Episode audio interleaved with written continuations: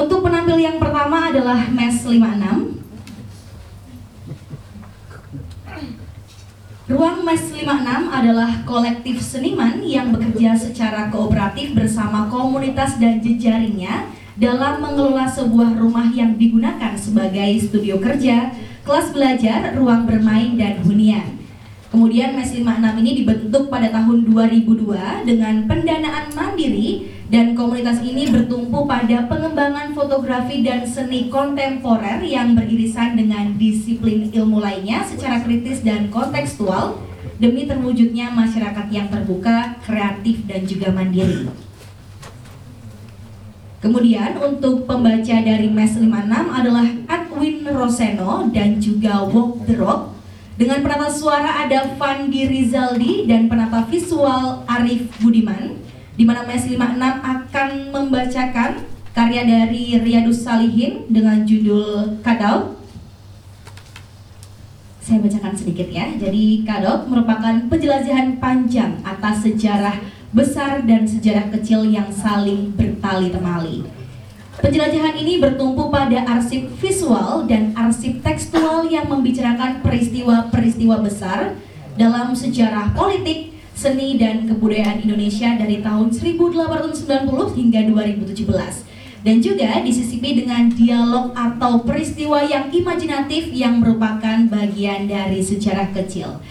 Sepertinya sudah tidak sabar, marilah kita sambut pertunjukan dari MES 56, kita berikan tepuk tangan yang meriah.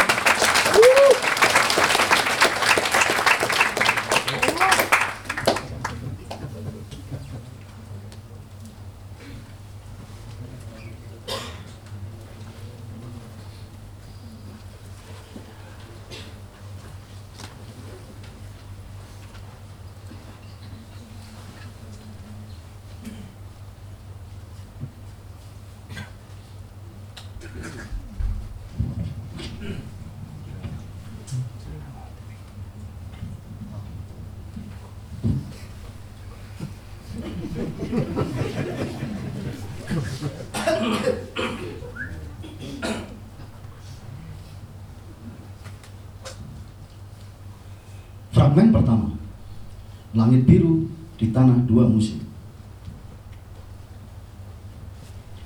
Sebuah laporan dari Gubernur Jenderal India Belanda, Johannes van den Bosch, kepada Menteri Negeri-Negeri Jajahan Belanda pada tahun 1830.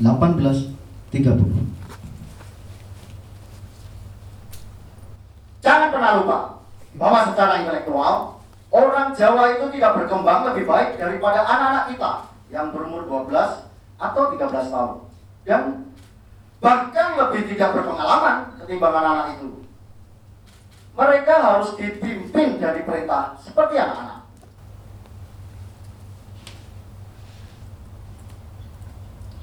gerombolan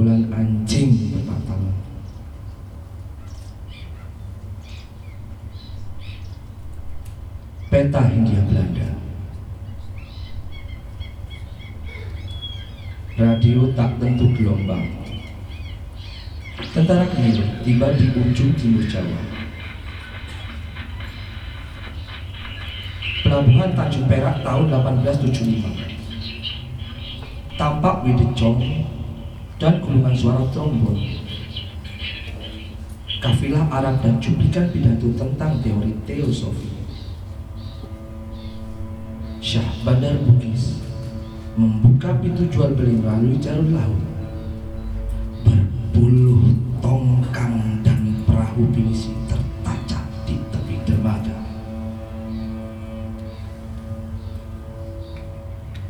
Sementara itu serombongan aktris dan aktor dari komedi Istanbul, Miss Ribut Orion, dan Opera Dardonella melewati Surabaya dari tepi pelabuhan dan bandar dagang kapal bersama para pengelana timur dan barat jauh.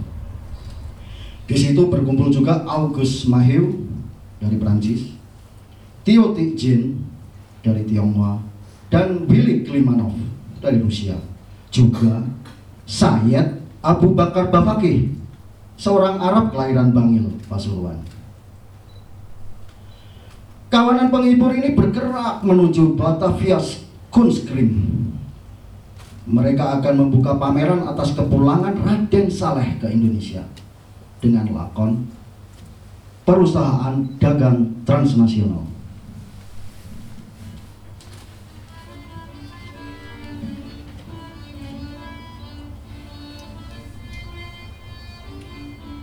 A.J. Payem tampak sedang mengajari Raden Saleh bermain akordeon. Di tahun 1830, Delange, Inspektur Keuangan Belanda, membawa Raden Saleh pergi ke Belanda. Beberapa orang sibuk memasukkan tumpukan baju yang menggunung ke dalam koper kulit.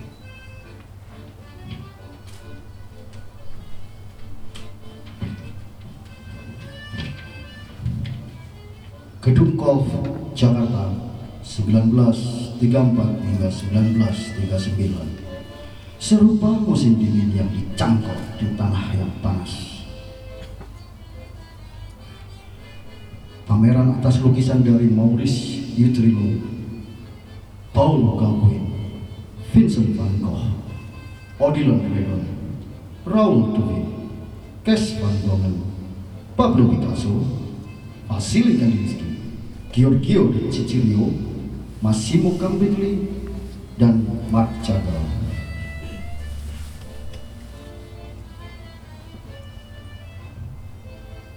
Kemudian berangkatlah Agus dan Otto Jaya, Avandi Salim dan Mokhtar Apik. Asap batu bara mengepul menuju London, Amsterdam, Brussels, dan Paris.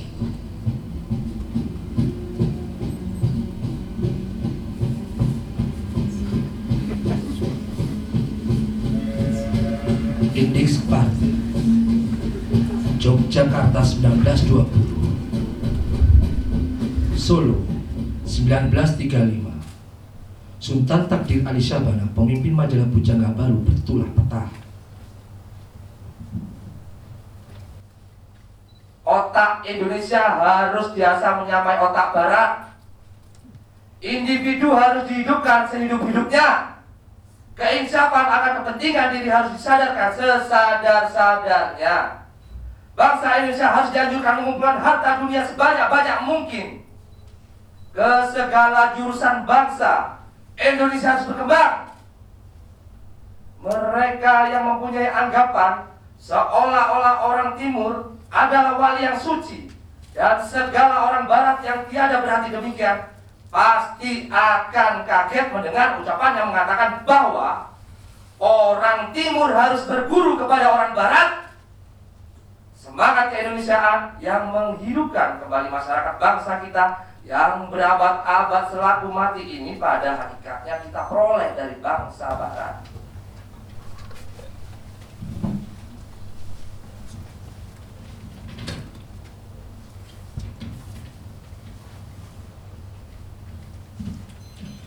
Fragmen kedua. Sebuah bangsa di bawah tajam samurai. Retrospeksi 105 pucuk surat Kartini yang ditujukan kepada Estelle Zihandelar, Nyonya MCE Offingsur, Profesor Dr. GK Anton, Dr. Andriani, Nyonya GG Debus Boy Sebay, Nyonya RM Abendanon Mandri, Mr. JH Abendanon, dan EC Abendanon. Semarak sore menuju malam bersama teh, kemian, tumpeng, wine, dan gadis-gadis Jawa yang berhampuran di lantai pesta dansa dan gala. Seorang pelukis patriotik bernama Sudarto dalam roman Kintamani karya Imam Supardi berseru tentang Indonesia. Coba itu. Itu di sana. Sawah ladang di atas lereng bergeret-leret. Berkotak-kotak. Beraneka rupa. Bagaikan selendang tenunan pelangi. Terbentang di bumi bertahta sana.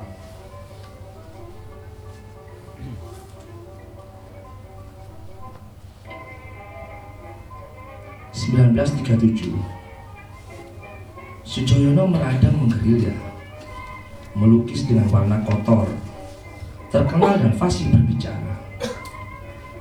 Dan Suwaryono melakukan kepopuleran Sujoyono. Namun berita E, Muldahu Maklai menyebutkan bahwa dirinya adalah takdir yang menentukan arah. Kawan-kawan jangan putus asa. Teori kita benar. ucap Sujoyono.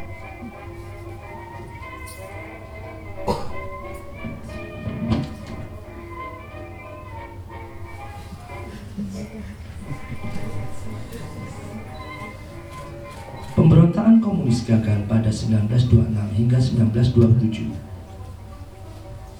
PKI dinyatakan sebagai partai terlarang. 1936, Sujoyono membatalkan kepergiannya ke Eropa. Langkahnya genap di Singapura. Di sana Sujoyono bertemu dengan orang-orang yang berasal dari Indonesia yang menasihatinya agar tetap berada di Indonesia menghadapi situasi perang yang akan melanda Indonesia. Bagi John, politik adalah dunia yang sah bagi seniman. Kawannya di SIM, Hendra Gunawan, berdebat dengan beberapa seniman Belanda. Apakah saudara-saudara harus mencampuri politik? Benar, kita harus mencampuri politik. Politik yang keliru membengkokkan kesenian, dan politik yang betul akan menyuburkan kesenian. Kemudian datanglah serdadu-serdadu sipit dan kuning dari utara Bermaklumat sebagai saudara tua bangsa Indonesia Berbekti tentang kebudayaan Asia Timur Dan berperang terhadap segala perkara yang datang dari barat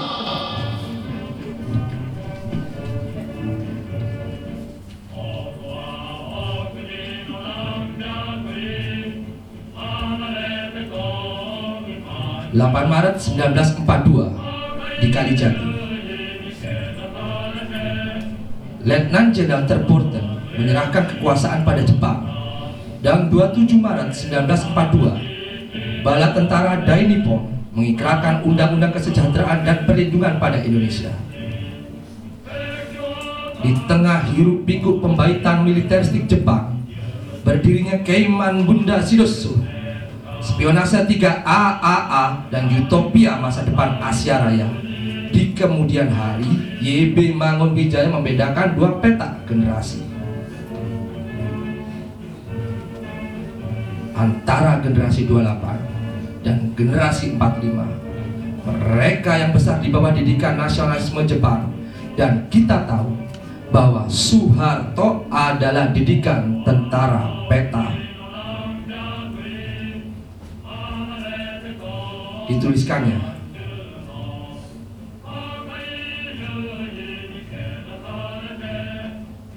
Mereka tidak belajar sejarah. Sungguh ada suatu diskontinuitas antara generasi 45 umumnya dan generasi 1928 yang intelektual, yang belajar sejarah, sosiologi,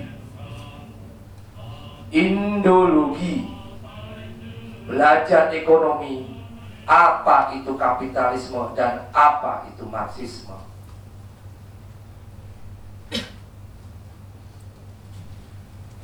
Generasi 1928 atau para pendiri kita juga menginginkan Indonesia yang gemilang. Tetapi bukan negara polisi, guru. Mereka kaum humanis, meski sistemnya kolonial. Sedangkan generasi 45 gurunya militer. Diskursusnya hanya dua tahun. Sehingga logikanya ya logika militer. Logika militer di mana-mana. Di seluruh dunia. Dan zaman adalah zaman. Pemimpin yang dididik Belanda menjadi populis. Padahal mereka itu priai. Sedangkan hasil didikan para samurai rendah malah menjadi elitis.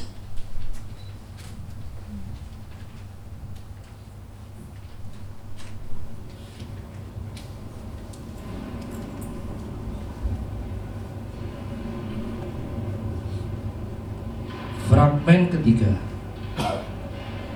suatu hari kita hanya akan tinggal mengenang seluloid.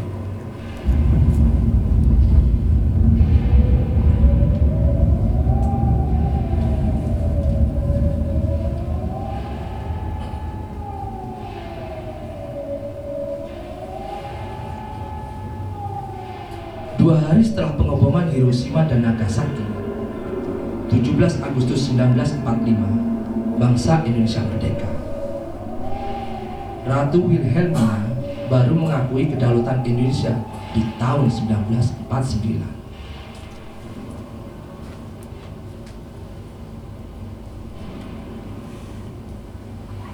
Nuklir menjadi kesunyian tersendiri yang bersemayam di jantung ketakutan orang-orang banyak di Jepang. dengan ini menyatakan kemerdekaan Indonesia. Hal-hal yang Berabad selanjutnya, tiga reaktor nuklir di Fukushima Daiichi meledak, meluluh lantakkan kota, menciptakan hantu mental yang akut. Ulang alik yang lalu dan yang kini, atas jalian temuan aksi reaksi fisika Einstein, fasisme elit, dan mimpi ras Asia yang menjalar di bawah bayang nama penjajahan. Dan bayang ketakutan pun hadir pada orang-orang biasa di kedua belah pihak. Pada rakyat Jepang yang menderita di bawah serangan sekutu Perang Pasifik. Dan rakyat Indonesia yang menderita di bawah serangan Jepang. Orang banyak selalu sebagai korban yang selalu mengarsipkan simptom atas bayang ingatan tentang perang.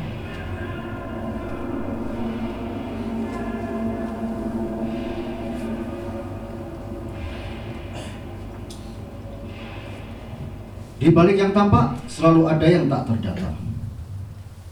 Media koran, teknologi fotografi, dan rekam suara analog mengekstremisasi percepatan modal validitas atas kemerdekaan Indonesia. Adalah harian Cina Kung Yung Pao yang menurut D. Basa pada Oktober 46 justru yang pertama kali menyiarkan nama-nama susunan kabinet pertama Republik Indonesia. Berikut kilas klasik redaksiannya.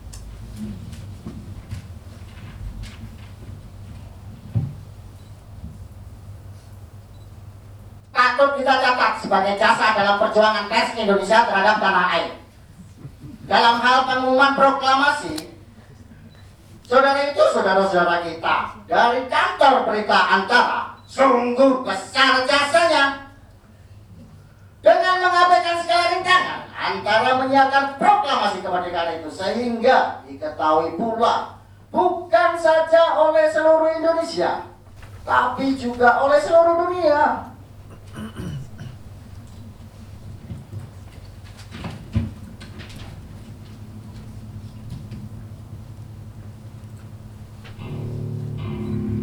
Fragmen keempat. Kaki-kaki tentara dan cermin manifest terbelah.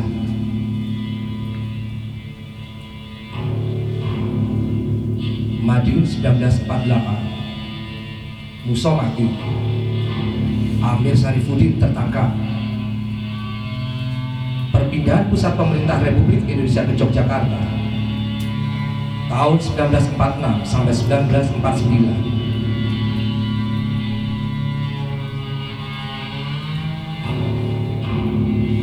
pada tahun 1950 Asrul Sani, Hairil Anwar, Heng Ngantung, Baharudin MS, M. Akbar Juhana, dan Mokhtar Abdul mencetakkan manifesto Surat Kepercayaan Gelanggang Seniman Merdeka Indonesia. Sebuah repertoar kesaksian yang menyengat dua arah ini mendorong Sujoyono setengah mengiya bahwa surat gelanggang lahir cara melawan kepura-puraan seni lukis yang melulu mengindahkan Indonesia melalui alam-alam ceritanya.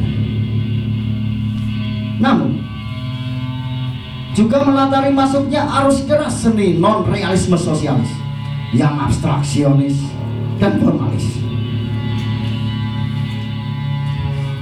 Salah satu penggagas surat kepercayaan gelanggang yaitu Dr. Andes Asrul Sani pada tahun 63 memimpin pelaksanaan pameran Ganevo di Hotel Arya Duta Jakarta.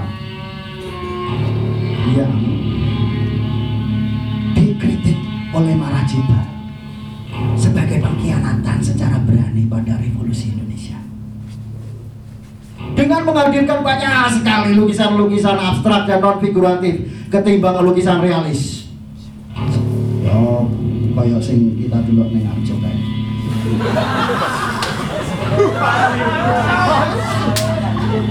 Misbah Tamrin meneguhkan perlawanan kesenian mereka dengan ikrar melawan yang abstrak seni yang paling sekarat di bidang seni rupa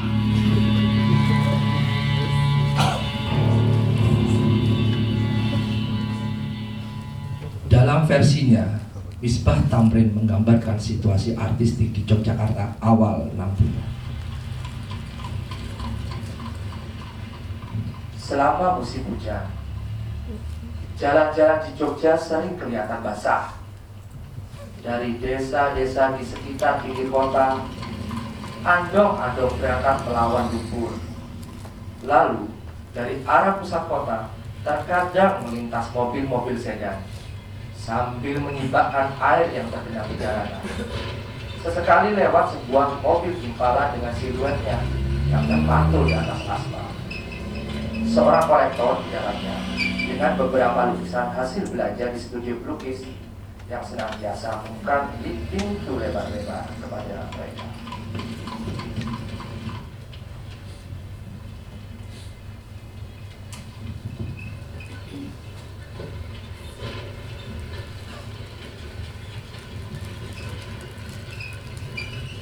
Soekarno baru bebas dari pengasingan Belanda di Pulau Bangka.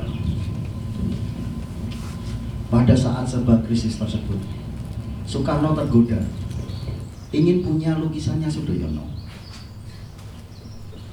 Mereka berdua, berdua, akhirnya sepakat untuk melakukan barter antara lukisan dengan pakaian. Saat pertemuan tersebut, Sujoyono menatap kawannya dengan tajam dan seksama. Kemudian menegur dengan tegas. Mas Karno, Mas, Mas ini apakah masih seorang Marxis? Ya jelas dong, tentu saja saya seorang Marxis. Santai Mas. Mengaku Marxis, kenapa Mas Karno membiarkan kawan-kawan Marxismu ditembak mati?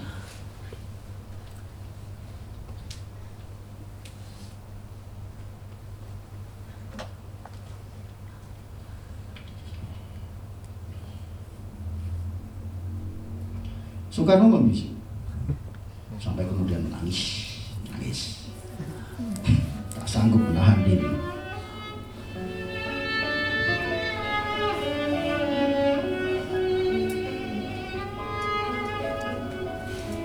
Tak beranjak lama setelahnya, lapangan seni rupa Indonesia segera memerah. Lekra mereka daya kemampuan tanding jejaring global mereka dengan Stikusa Stichting for Culturally Semen Working dan juga banyak jejaring lawatan dan pertukaran ilmu yang didominasi oleh jalur Indonesia Barat.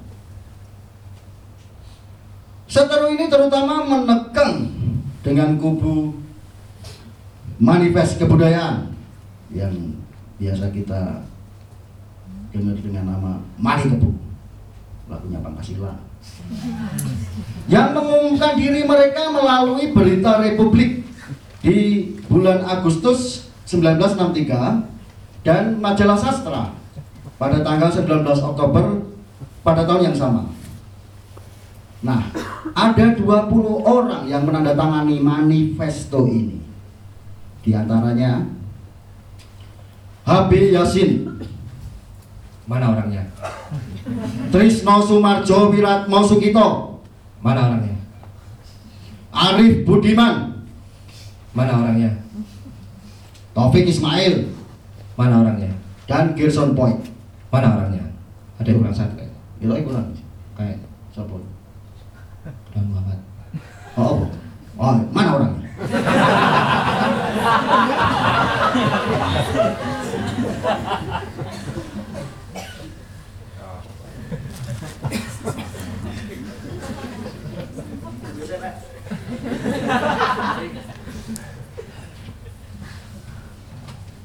Akan tetapi, sebenarnya perdebatan-perdebatan itu lebih mencerminkan, pertarungan politik ketimbang pertarungan kebudayaan. Angkatan Bersenjata Republik Indonesia, terutama TNI AD, terlihat berada di pihak manifest kebudayaan. Dukungan ini terlihat dalam konferensi karyawan pengarang Indonesia yang diorganisir oleh Manifest Kebudayaan. Pada bulan Maret 1964, Wiratmo Sukito, sastrawan dan salah seorang konseptor Manifest Kebudayaan, mengaku bahwa dirinya bekerja untuk Dinas Rahasia Militer ketika Manifest Kebudayaan itu dilahirkan. Satu tahun setelah 1951, perjalanan jauh ke saudara Blok Timur, Hengantung, Hendra Gunawan, Sujoyono berangkat ke Berlin untuk konferensi pelajar sedunia. Saling silang berturut-turut menuju Amsterdam, Berlin, Praha, Paris, dan Peking. Di tahun 1959 memperingati Manipol Uzbek Soekarno bersih tegang kokoh Tangan jauh. Hei, pemuda-pemuda dan pemudi-pemudi. Engkau yang tentunya anti imperialisme ekonomi. Engkau yang menentang imperialisme politik. Kenapa di kalangan itu masih banyak yang menentang imperialisme kebudayaan? Kenapa di kalangan itu banyak yang masih rock and roll, rock and rollan? Kayak aku. Jaksa dan caca-caca. Musik-musikan ala ngakik ngok. Gila-gilaan. Oleh Cames. Dan lain-lain sebagainya lagi. Yang nyata itu adalah imperialisme kebudayaan.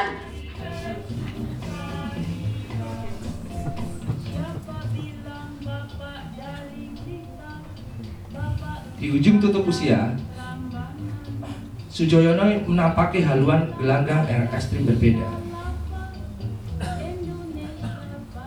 Setelah dipecat dari PKI, di mana dia bersama Hendra Gunawan dan Avandi pernah menjadi wakil parlemen dalam partai tersebut.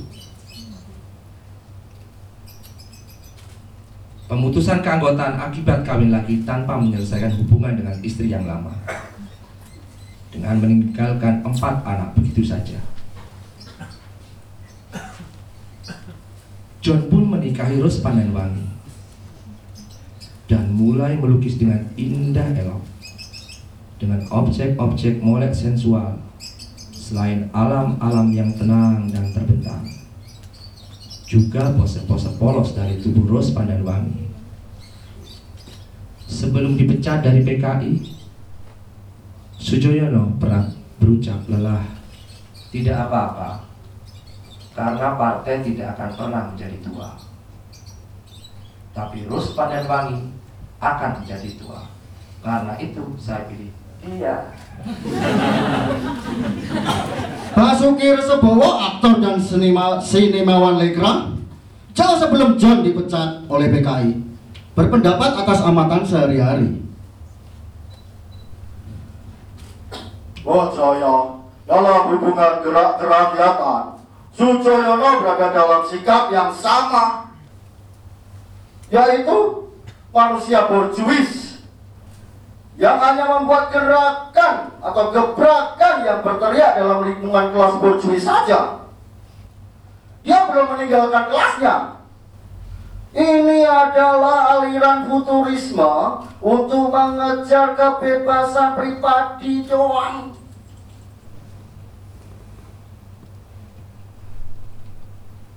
Di hadapan banyak orang pada ceramah seni rupa 1977 Seperti juga nasihat yang dilakukan pada masa persagi. John berkeras wajah, melewati berbagai fase hidupnya bersikukuh. Pergilah ke liang kubur dengan senyummu untuk mempertahankan ide-idemu.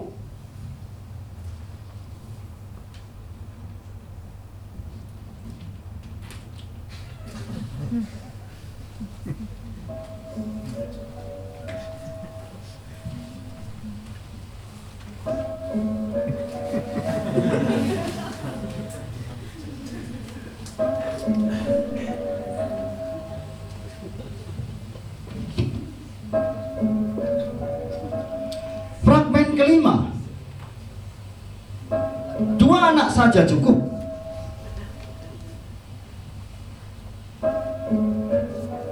Ruang tengah di dalam rumah.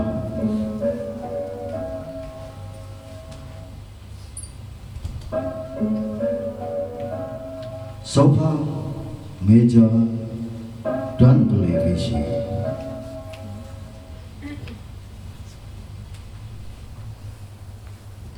多，哎呀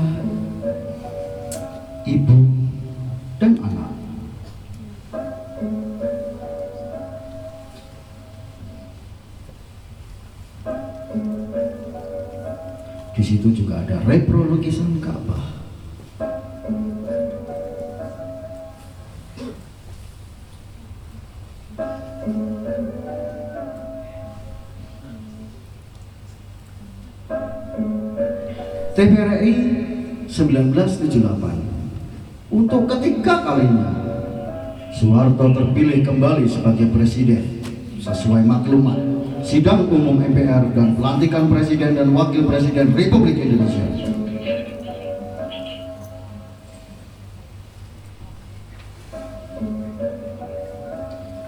Pada tahun 1980 batas-batas desa dan kota diadapkan. ABRI masuk desa. Transmigrasi Jawa Sumatera. Ada migrasi dari banyak anak banyak rezeki menuju ke dua anak saja cukup.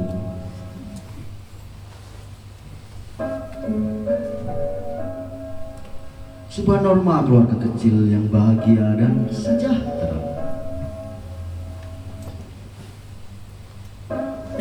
Koreografi statistiknya dengan ujaran mesi- mesinal seperti ini.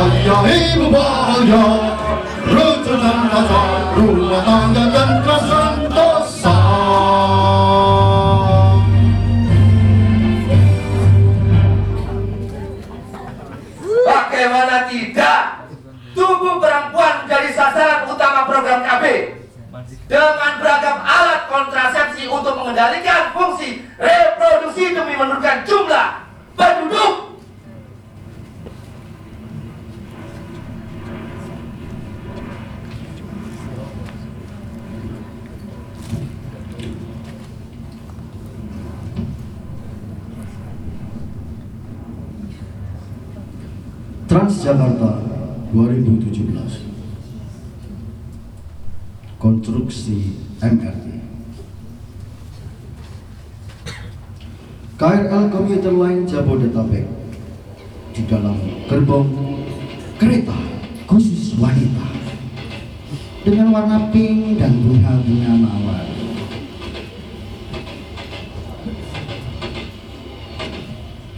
Pukul Pukul 17.30 sebuah rute pulang kerja. Semua penumpang dalam posisi memegang gawe pintarnya sendiri-sendiri kayak kalian. Samar dan lambat tanpa hilir mudik pesawat terbang Dangau suara ultrasonik. Pak, rekaman CCTV di sudut sepi kamar mandi umum dan riuh rekaman penyadapan di istana negara.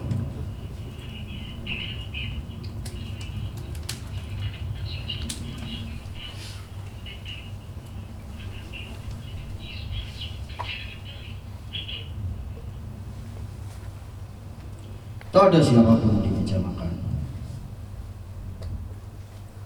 Juga tak ada yang mematikan TV yang masih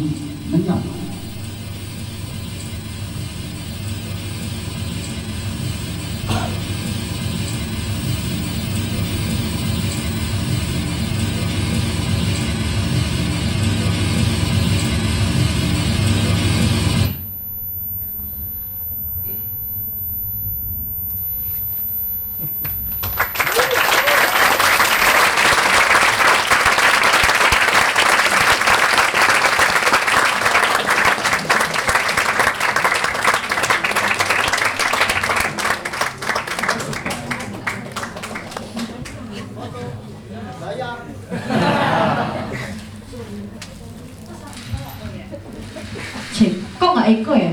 Go, go, go. Khusus pemain. Oh gitu, Mas mau foto dulu kak? Boleh. Oh, boleh kok sendiri tok Mas wah. Waduh berdua ya Mas. Ya nanti penak ya, ya. Ben ketok bar pentas nih lho. Heeh. Ah, oh itu ya. Tenangan di foto lho Mas, tenangan lho. Coba dari semua pembaca cuma satu ini. Oh, sini lain kok ya. Ya ya ya wis.